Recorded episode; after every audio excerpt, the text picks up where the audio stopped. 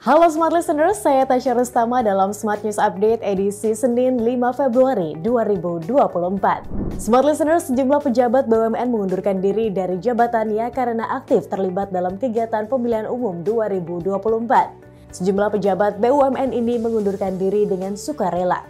Sebab jika tidak, Kementerian BUMN telah mewanti-wanti akan mencopot para pejabat yang terlibat aktif dalam kegiatan pemilu.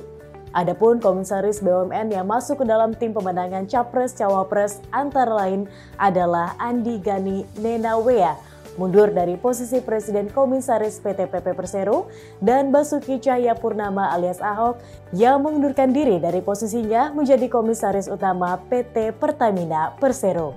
Berita selanjutnya, Peserta Kartu Prakerja pada 2024 ini mendapatkan pelatihan membuat konten video dan media sosial yang diselenggarakan oleh Rumah Siap Kerja.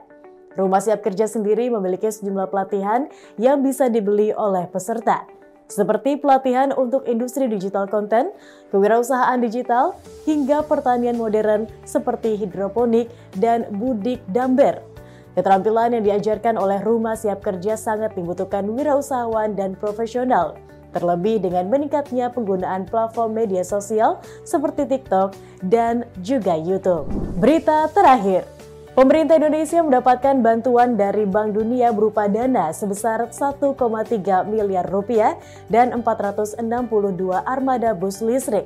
Menteri Perhubungan Budi Karya Sumadi mengatakan bantuan dana dari Bank Dunia ini untuk meningkatkan kualitas infrastruktur transportasi di sejumlah kota, di antaranya Kota Medan dan Bandung. Anggaran tersebut tidak hanya untuk sarana transportasi saja, melainkan juga untuk pembangunan infrastruktur seperti halte dan jalur khusus sepanjang kurang lebih 20 km. Sekian berita hari ini, sampai jumpa dalam Smart News Update edisi berikutnya.